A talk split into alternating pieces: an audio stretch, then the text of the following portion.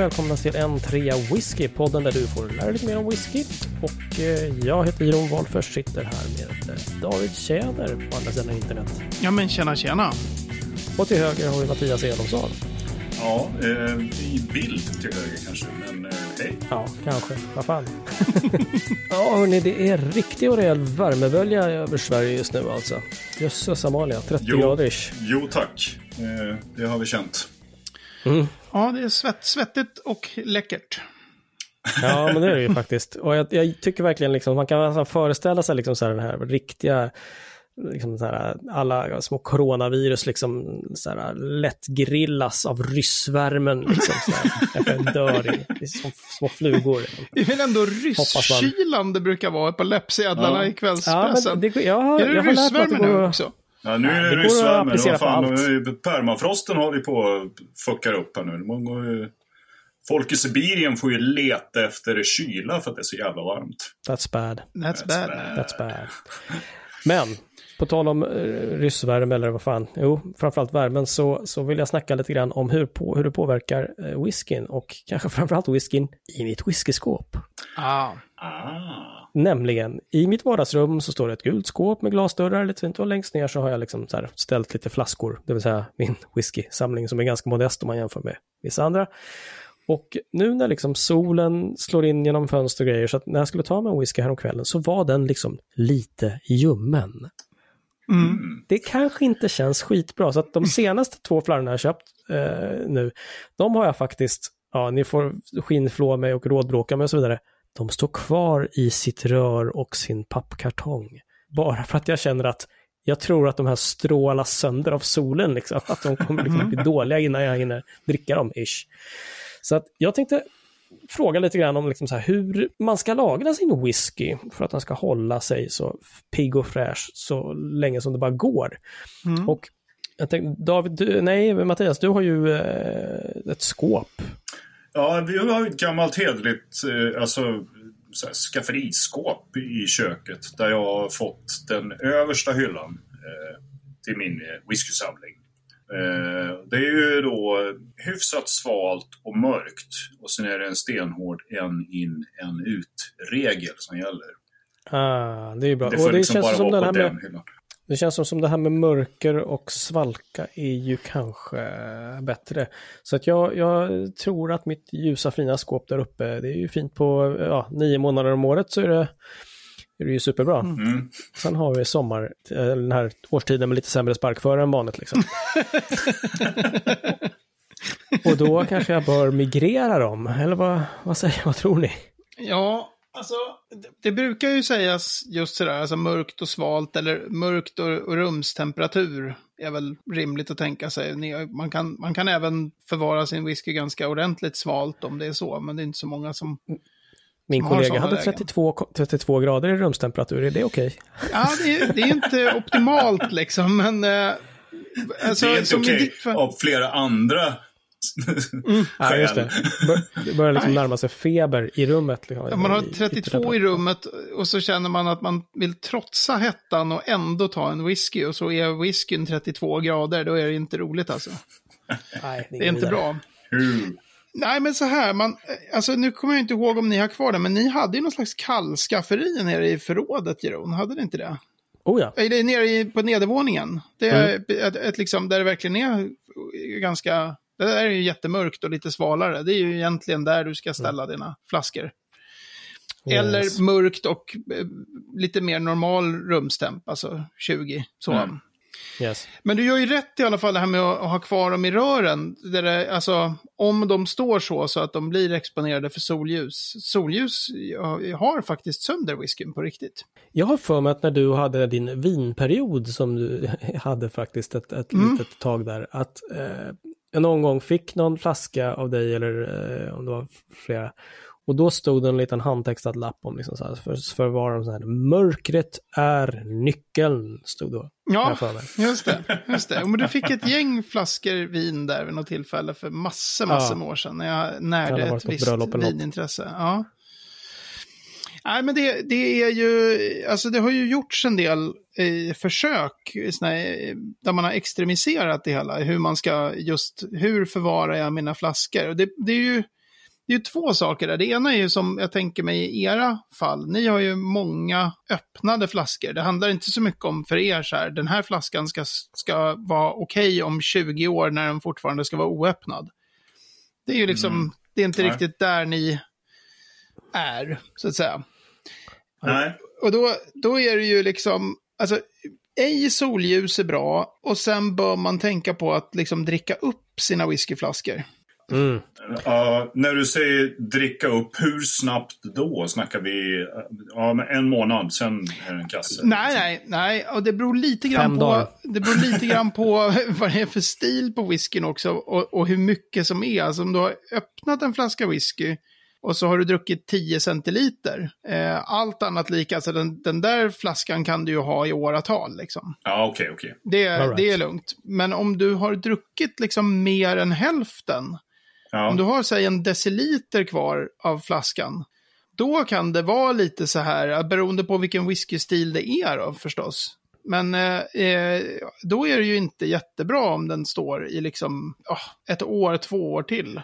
Fan, det du säger är att jag måste gå ut och downa hela min den här eldvattenbundna haven nu då? Nej, alltså så här. alltså... vänta Mattias, ta av sig hörlurarna och vänta, vänta Mattias, vänta. ja, men, alltså... Det hörs hörni. det beror också, för det är det som är det, det svåra i sammanhanget. Det finns ju whisky, mycket whisky blir ju eh, bättre bättre när du har druckit 10-20 centiliter eh, ur flaskan och sen så får den oxidera lite. Mm. Eh, och kan hålla sig jättelänge där. Eh, annan whisky blir ju sämre. Jag skulle säga den här eh, Sveriges favoritkombo, nämligen sherry och rök. Mm. Eh, det är kanske inte världens bästa idé att ha någon sån här tung sherrylagring med jättemycket rök och ha eh, 10 centiliter kvar i den flaskan och sen så går det liksom tre år innan man tar fram den igen. Eh, dels kan mm. den bli sämre, bara märkbart sämre. Men sen så ändras den ganska mycket också. Så att det, det blir liksom lite lurigt om man säger så vad, vad, är det? Ibland så kan de ju dö till och med. Alltså din Ardbeg 10, Jeroen, som vi ja. provade hemma hos dig, den hade ju liksom lämnat byggnaden. den hade lagt tassarna i vädret. Allting var ju liksom, men den måste ju ha stått där ett antal år med ganska lite kvar ja. i. Ja, ja. Det, så är det ju. Jag tröttnade på röket och, och bara, den har bara stått liksom. Mm. Eh, sådär. Så att ja, den kanske man får göra annat av. En men, stor fin kaka eller något. Du David, jag måste fråga en sak. Eh, jag har hört och sett ibland att eh, man ska, om man har en öppnad flaska att man ska gå in och vända den bara snabbt upp och ner någon gång. Har det någon betydelse eller varför gör folk det? Liksom? Folk gör det för att de har fel. Okej. Okay. alltså det finns, så här, det är, nej men det är ett område där det finns olika åsikter och ganska många åsikter. Men, men alla de i de där, för det dyker upp ganska ofta på sociala medier så här, att ja, men nu, nu håller jag på och fuktar korkarna så här. Man tar hela samlingen och lägger, dem, lägger flaskorna ner i tio minuter så här. Mm. Tanken är då att det där ska eh, göra så att korken inte torkar. Eh, och problemet är ju att, alltså, precis som man har med vin, vin ska man ju lagra liggande för att korken ja. ska hållas fuktig. Men, men de, så här, de som verkligen kan de här grejerna, de gör ju aldrig det. Och Nej. de menar då att, eh, alltså, whisky har så hög alkoholhalt så den snarare torkar ut korken om du gör så. Den sabbar korken. Så att ja, det blir tvärtom liksom. Ja. Eh, och då är det ju mer, eh, jag har ju inte provat det ena eller andra. Jag har inte samlat whisky jättelänge heller. Så jag, men jag, jag märker ju liksom att de som är jätte, jättekunniga och hållit på med whisky väldigt länge, det är ju de som alltid säger nej, det torkar ut korken. Så då har jag liksom valt att ja, men förmodligen är det ju de som har rätt då. Mm, mm. Mm. Samma sak att folk gör det ofta när de ska liksom öppna en flaska whisky eller varje gång de ska ta en dram så vänder de flaskan upp och ner igen. Alltså ja, det är jättekonstigt beteende. Det har jag, jag sett och undrat, vad fan håller du på med? Ja, det har jag också sett och undrat, vad fan håller du på med? Faktiskt. Ja, okej. Okay. Så det är någon slags... Uh... Det är någon grej som har blivit och som inte fanns. Jag har aldrig sett någon göra det för typ fyra år sedan. Det är någon, det är någon mm. pryl som har kommit och, och där som verkar jättekonstig. Ja. Det är väldigt kontraintuitivt också, för kork, eh, det är ju väldigt alkoholstarkt. whisky. Så att det, det känns ju som ett rimligt argument att nej, håll inte på med det. Nej. Mm, okej. Eh, Men, men okej, och, och då ska man inte göra så. Men om man då vill lagra den lite grann så svalt och mörkt, men också då helst lite lufttomt eller luftfattigt. Alltså skulle du säga att, eh, nu min airbag kanske har som sagt lämnat vårt jordeliv och passar bättre i en, en whiskystinn kaka av något, slag, eller Mm.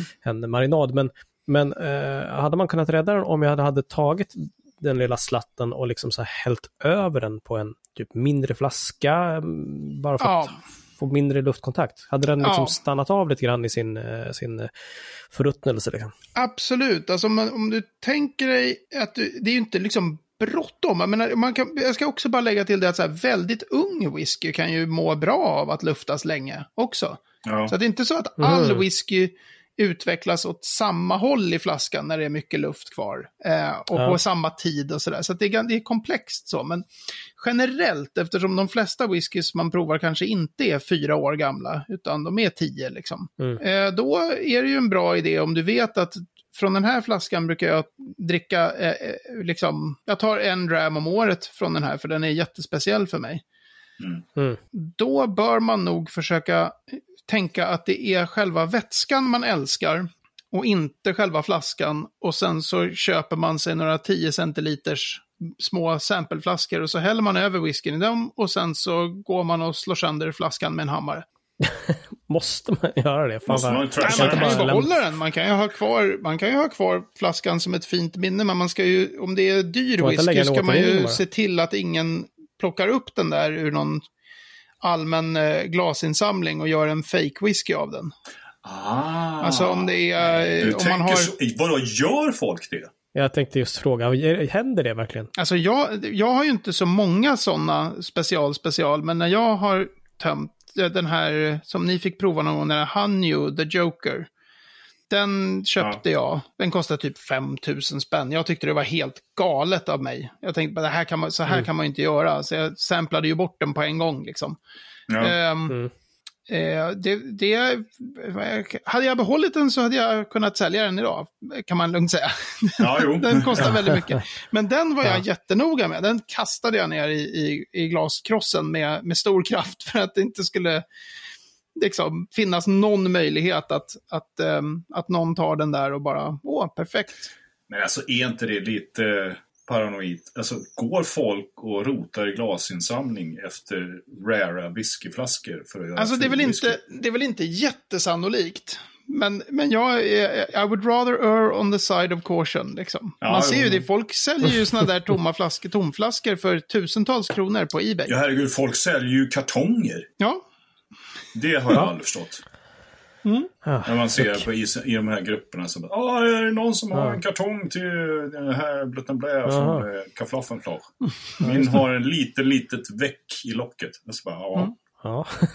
du, ska inte Det lär inte göra att whiskyn smakar sämre. Men det där, jag tror att det där är ju skillnaden mellan, om vi pratar om nu så här, hur ska man eh, liksom förvara sin whisky? Jag tror ert perspektiv är väldigt mycket så här, hur ska jag se till att den inte blir förstörd? För ni Ja. dricker all whisky ni köper. Ja, Det, är liksom, det finns Ja, ingen whisky som ni, som ni liksom köper och tänker så här, ni tänker inte ens den här ska jag dricka om fem år.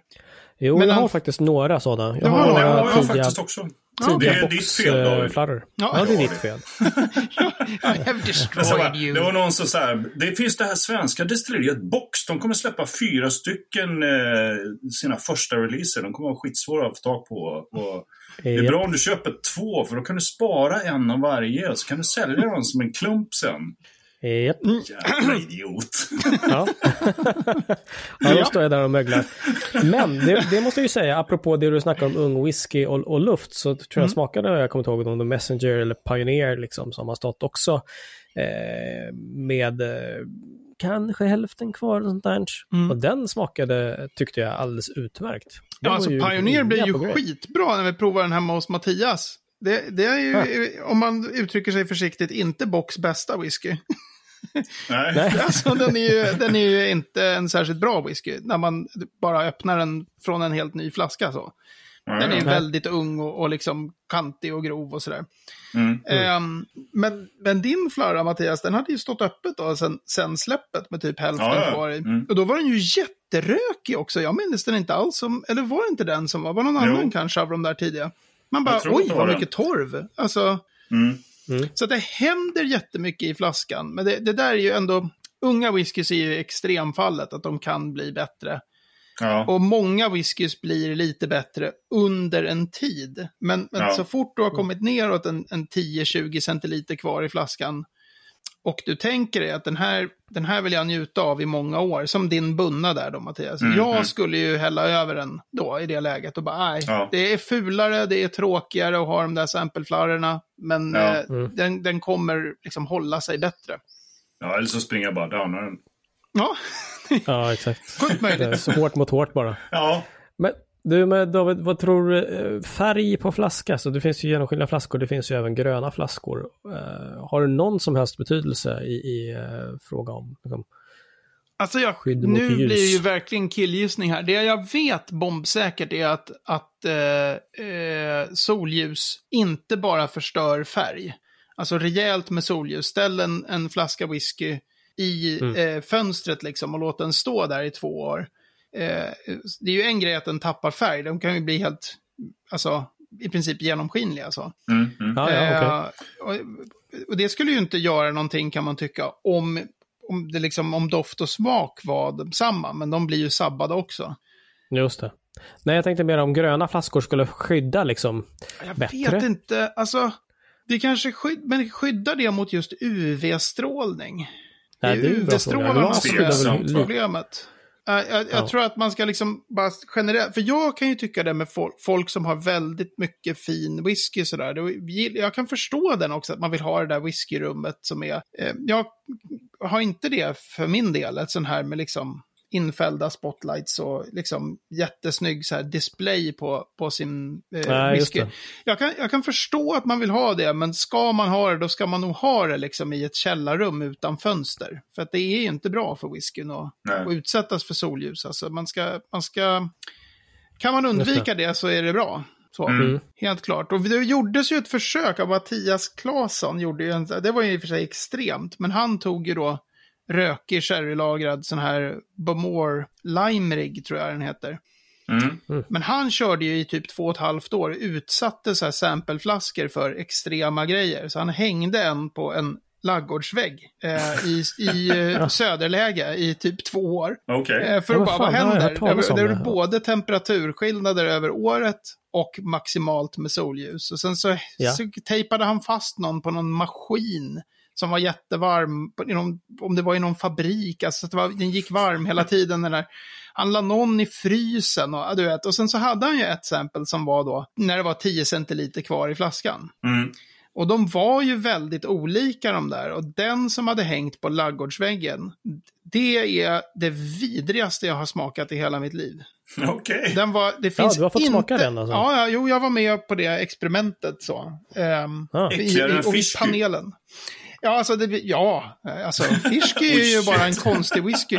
Ingen människa på planeten som, som provade det där skulle någonsin ha gissat att det var whiskyblint. Inte en chans. Oj. Det var Shit, så vidrigt. Outsägligt vidrigt. Så Alltså. vidrigt! Så vidrigt. Herregud. Nej, men så man ska ta det lite på allvar. Alltså, det här med att liksom inte låta det vara jättelite kvar i flaskan länge, att hålla det borta från solljusen. Tror jag det här med temperaturer, liksom, det är ju svårt att ordna perfekt, men typ rumstemperatur räcker ju bra. Mm. Mm. Mm. Mm, just det. Eh, och givetvis det mest viktiga då, men, det var vi inne på med korken. Liksom, whisky förvarar man stående och inget annat. Mm. Nej. Eh, Men om det nu är så att man har så här eh, 10 centiliter eller mindre kvar och man märker av att nej, fan, det här smakar avslaget. Då är det kört liksom. Det finns inget sätt att rädda Det finns, inget, det finns inget sätt att hitta tillbaka till det som var innan. Nej. Det går ju inte. Det, däremot så kan man ju tänka då inför nästa flaska att men nu börjar jag ju närma mig. Jag vet att jag, för det är också så här hur många öppna flaskor man har. Sådana här människor som jag umgås med online i alla fall då, som är whiskyentusiaster. De, håller, de flesta av dem har ju en viss disciplin kring hur många flaskor man har som är öppna samtidigt. För man vet liksom. att- Ja, ja. Mm. Ehm, Jag Aha. håller jättehård koll på det där, så att jag liksom inte, du vet, har... Men det finns andra som också har...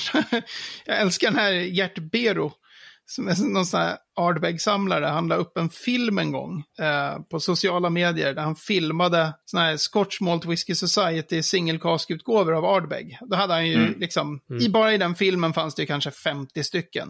Och från Åh, de allra första, typ utgivna på så här sent 80-tal, du vet så här, varje flaska är värd 20 000 eller någonting. Och så är det alltid någon näsvis jävel som eh, ska säga, men för dricker inte whisky. Så här, som om människor som har icke öppnade flaskor aldrig tar en whisky liksom. Och då var det någon som skrev så här typ, men det, att, att ha en sån där samling utan att öppna dem, det är som att ha en Ferrari i, eh, bara i förrådet. Och, och då svarade Gert Mm. Bero så här, 114 open Ardbegs at the moment, that's my car. Man bara, Boom! Mic drop. precis. Verkligen. Så det kan jag tycka, just Cred. det här med när, när folk gnäller över att de ser tomma, alltså eh, oöppnade flaskor. Att de är så, varför dricker Ja. du inte whisky? Men det, förmodligen om du ser en bild på liksom hundra oöppnade flaskor, så, så har nog den här människan någon gång kanske också tagit sig en hutt liksom. Ja. Men en kort recap då på lagra sin whisky. Eh, mörkt, helst. Gärna lite småsvalt, åtminstone i rumstemperatur och inte så jävla mycket luft i flaskorna om du kan undvika det. Is that eh, correct? Ja, där, där har vi det. Vi hade kunnat göra det här på 12 sekunder. Precis. Men det gjorde vi inte, så det är så. Nej, du. Nej. Okej, då kör vi veckans destilleri för den här veckan. Och Mattias, hur uttalar man det här? Man uttalar det Bonahaven. Broke Laddie. Nej, Alltså, vi har-. Just det, och det här Eh, är faktiskt en fråga, ett, en, en liten request från Mattias da Silva som eh, kommenterade på vår Facebook. Just det. Och eh, David har ju tre minuter på sig att snacka lite om Bunnahabin och han börjar nu. Eh, ja, det är väldigt mycket Ayla här. Jag tror vi har kört Brookladdy, Ardbeg och Kilhoman. De är kraftigt överrepresenterade på våra första 15 avsnitt, de här eh, Ayla-destillerierna. Bonahaven ligger på ön Ayla och eh, ligger ganska långt upp på östra kusten där. Är ett av de två destillerier på Ayla som eh, också gör orökig whisky, men framför allt kanske det destilleriet som i princip gör orökig whisky. Eh, så vanlig Bonahaven, om man köper sig en Bonahaven 12 eller en Bonahaven 18, det är ju whiskys med en jätteliten, liten, världens minsta röktouch bara. Jag kan tänka mig att det är under 5 ppm på, på den där malten. Så det är i princip orökigt. Eh, det har inte alltid varit så. Fram till någon gång på 60-talet så var all Bonahaven rökig. Men sen så bytte de och började köra orökigt och sen så körde de bara det. Och sen gjorde de till Mattias stora glädje eh, ett gäng sådana här trial runs med att köra rökigt just 1997. Så tack vare det finns den där svenska eldvatten singelkasken som du är så förtjust i. Mm. Eh, nu för tiden gör de, jag vet inte, jag, alltså jag vet inte proportionerna, men jag, nu mer kan jag tänka mig att det är uppåt en 10% eller någonting som de kör rökigt. Det kanske har blivit ännu mer, för de släpper ganska mycket rökig eh, Bonahaven nu. De, jag har ju sett så här intervjuer med Master Distiller där. Eh, faktiskt så heter han Steven Woodcock. Det tycker jag är lite härligt efternamn. Ja. Eh, Han är den som är ansvarig för alla Burn Stewart Distillers eh, destillerier. Så han har sagt att ja, men det har varit så mycket förfrågningar om att vi ska göra mer rökigt, så då började vi göra mer rökigt. Ja. Eh, jag tycker för min del att det är lite synd, ja. Jag tycker Bunna är, är, det är verkligen en älskling för mig. Jag tycker det är jätte, jättebra whisky. Men jag tycker att de orökiga generellt är, är bättre än deras rökiga. Har du någon favorit? Eh, alltså 18-åringen är ju jättebra, men jag tror att den har stuckit iväg och blivit, den så här, kostar så här typ ordentligt över tusen spänn. Det är liksom helt osannolikt. Eh, men den vanliga 12-åringen är ju också jätte, jättegod alltså. Mm. Och de har också, de har en, jag tror att den finns kvar, en sån här NAS-utgåva som heter Moin som är rökig, som jag gillade då när den släpptes för Sverige för ett gäng år sedan. Hur gammalt är det här destilleriet? Hur gammalt är det? Grundades 1881. Herregud vad lite tid jag har kvar ser jag nu på klockan. 1881 eh, och de kör med väldigt stora pannor. Så de har, och sen snabb destillering är en annan sån här. De är, det är en roligt speciell eh, produktionssätt där på Bonnehaven. Men det hinner jag inte med för nu har det gått tre minuter. Det var tre minuter. Lång näsa till Mattias da Silva. Så här. Ah! ja, stackarn. Ja, vi får ta upp, eh, kommer prata mer om Bunna, känns det som. Ja, alltså. Bunna är ju, det är ju väldigt, väldigt trevlig whisky tycker jag. Och Mattias da Silva har ju såklart hört av sig på våran eh, lilla hörna av Facebook. Facebook.com slash n3whisky. Det kan ni också göra om ni vill veta något. Exakt. Den här trudelutten betyder ju att det är dags för veckans ord. Och eh, det är ju inget, det här är ju ett ganska vitt begrepp känns det som. Mattias, har du lust att dra eh, veckans ord här? Ja, men det är en sån gammal fin Robert eh, Karl-Oskar Broberg. Vatten! Vatten. Vatten är ett farligt gift som omger Visby stift, är det inte så? Ja, precis. Ja, Vi, Men då pratar man ju mer vatten, alltså vi har pratat om att vattna sin whisky, men det här är ju mer vatten alltså i produktionen. Alltså det, det man gör whisky av. Och där har man ju läst otaliga gånger att det vattnet ligger vid den här källan, La Flochenkoch, och eh, det kommer direkt från eh, den här gölen och så vidare. Mm. Men hur mycket spelar det egentligen roll? Var det vattnet kommer ifrån och hur det smakar och hårdhet och helvete. Ja, hårdhet och helvete. Hur är det med det där? Jag kommer ju aldrig ihåg om det är hårt eller mjukt vatten de säger att man ska göra bra whisky av. Och så har Glengoyne det Mm. andra. Jag tror att det är så här att eh, man brukar säga att det är bäst med mjukt vatten. Och sen så finns Okej. det ett par destillerier som har hårt vatten.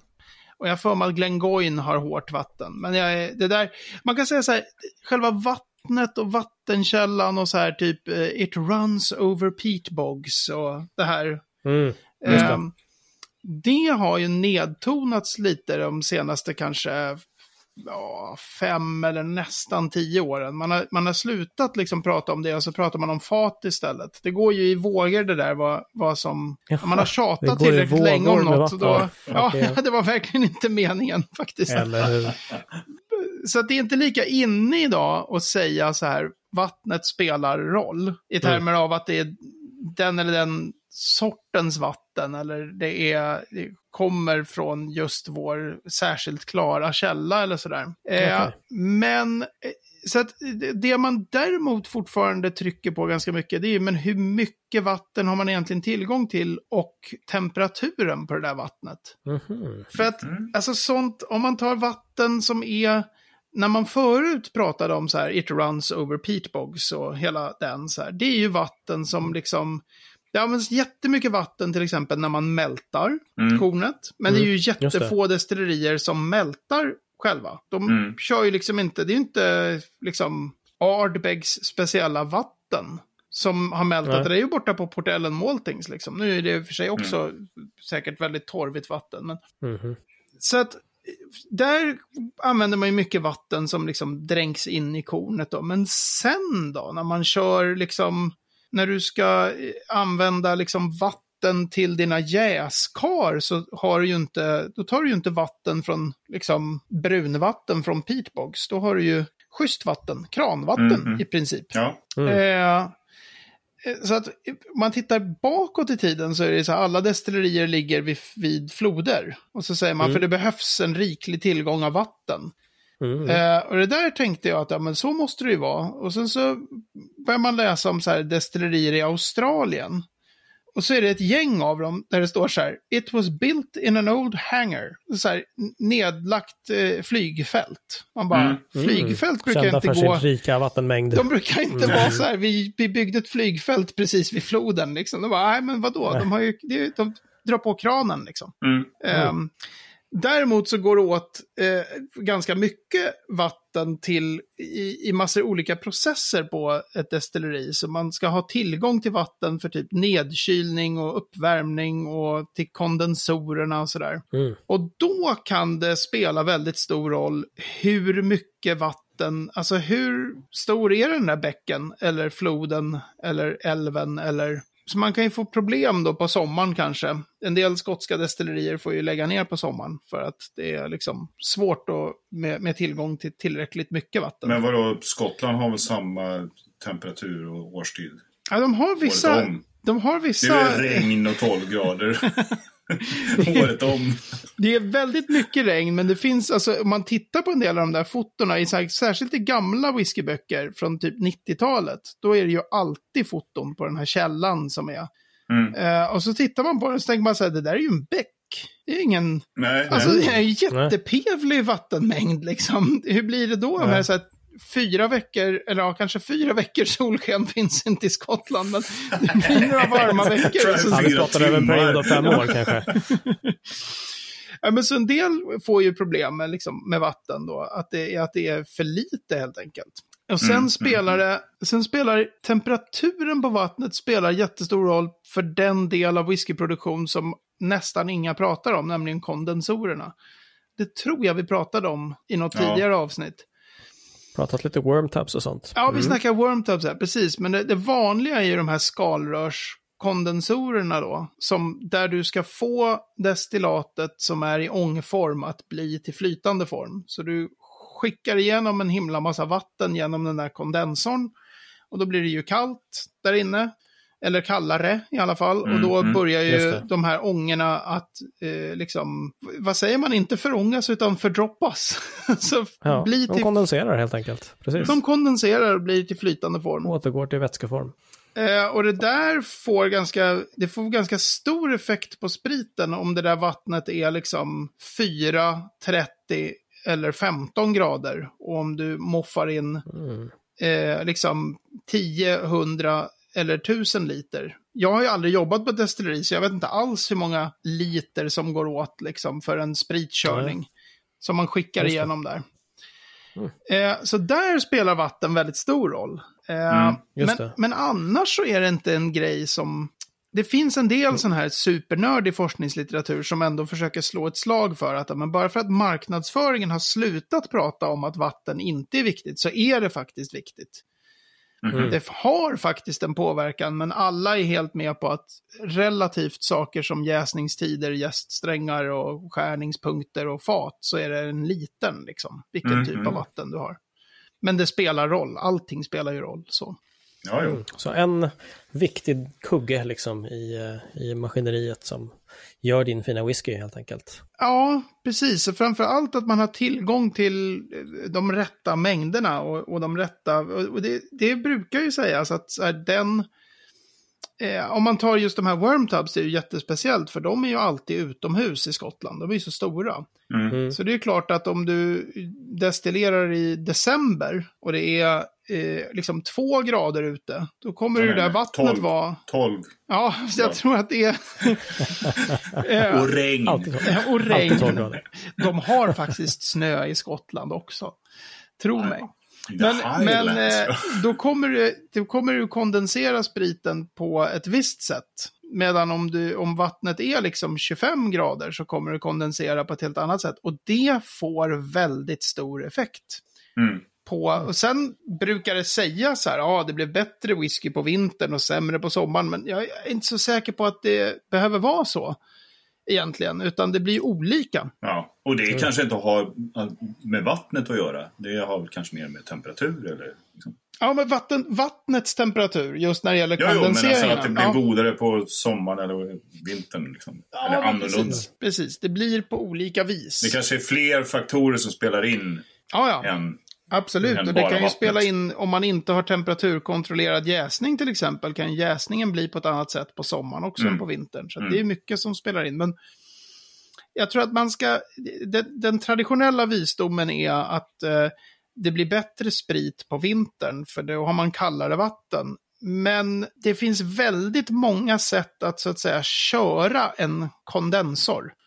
Mm. Du kan ju välja Oh. hur mycket vatten du moffar igenom den. Du kan liksom, så att det är inte, jag, jag tycker det verkar väldigt simplistiskt att det skulle vara så här, ju kallare ju bättre. Så High Coast kör ju Mm, lite mm. på det. Vi har tillgång till x tusen liter i sekunden. Så vi har svinkallt kondensorvatten. Det, det hjälper till. Mm. Men alltså, jag är inte helt Men det kanske övertygad. hjälper till i frågan om att, att det går fortare att kyla ner. Ja, och går det väldigt, kanske. väldigt fort att kyla ner, då blir ju kondenseringen supereffektiv. Och då, eh, om du har lite, lite varmare vatten, då kondenserar du ju långsammare, då får du ju mer kopparkontakt. Det borde ju nästan vara bättre. Så att det är inte liksom, eh, ja, Mm. Damn. den The är, jury's den är, still out there. det är en sån här, jag ska, jag ska fråga Roger Melander om det där någon gång när jag träffar honom. Hur Ja, är det ja. egentligen med det där? Ni pratar så mycket om den här svinkalla vattnet och att det ska vara så Mm. superbra. Är det verkligen? Bra, men jag tycker vi frågar Roger, det får du jättegärna göra, så återkommer vi i frågan, Mm. eh, tycker jag. Ja, hörni grabbar, med det så kanske vi ska, fan, ska vi kamma hästen, baka fåret och gå och lägga oss för ikväll? Ja, det är väl dags va? Det är alltid lika härligt att höra att Ulf Lundell citat. Ja, mina vänner, nu har vi kammat hästar, bakat får här i avsnitt 15 av en Tre Whisky och du kan hitta mer om det här avsnittet, länkar och sådana saker på n3whisky.se 15. Vi finns också på facebook.com whisky och eh, där kan du gärna följa oss och eh, ställa lite roliga frågor. Sen försöker vi ta upp de här och besvara dem. Sedvanligt sitter Mattias med sitt, med sitt lite decimerade finger i näsan här när jag tittar tillbaka. Men eh, tack för ikväll, Mattias, Och David. den bilden kommer vi inte lägga upp på hemsidan. Eller? Eller? Ja, Hörni, tack för ikväll. Say goodbye guys. goodbye guys. Ja, nu sa ju du det. Men hej då. Ha det bra. Ha det bra. Tja.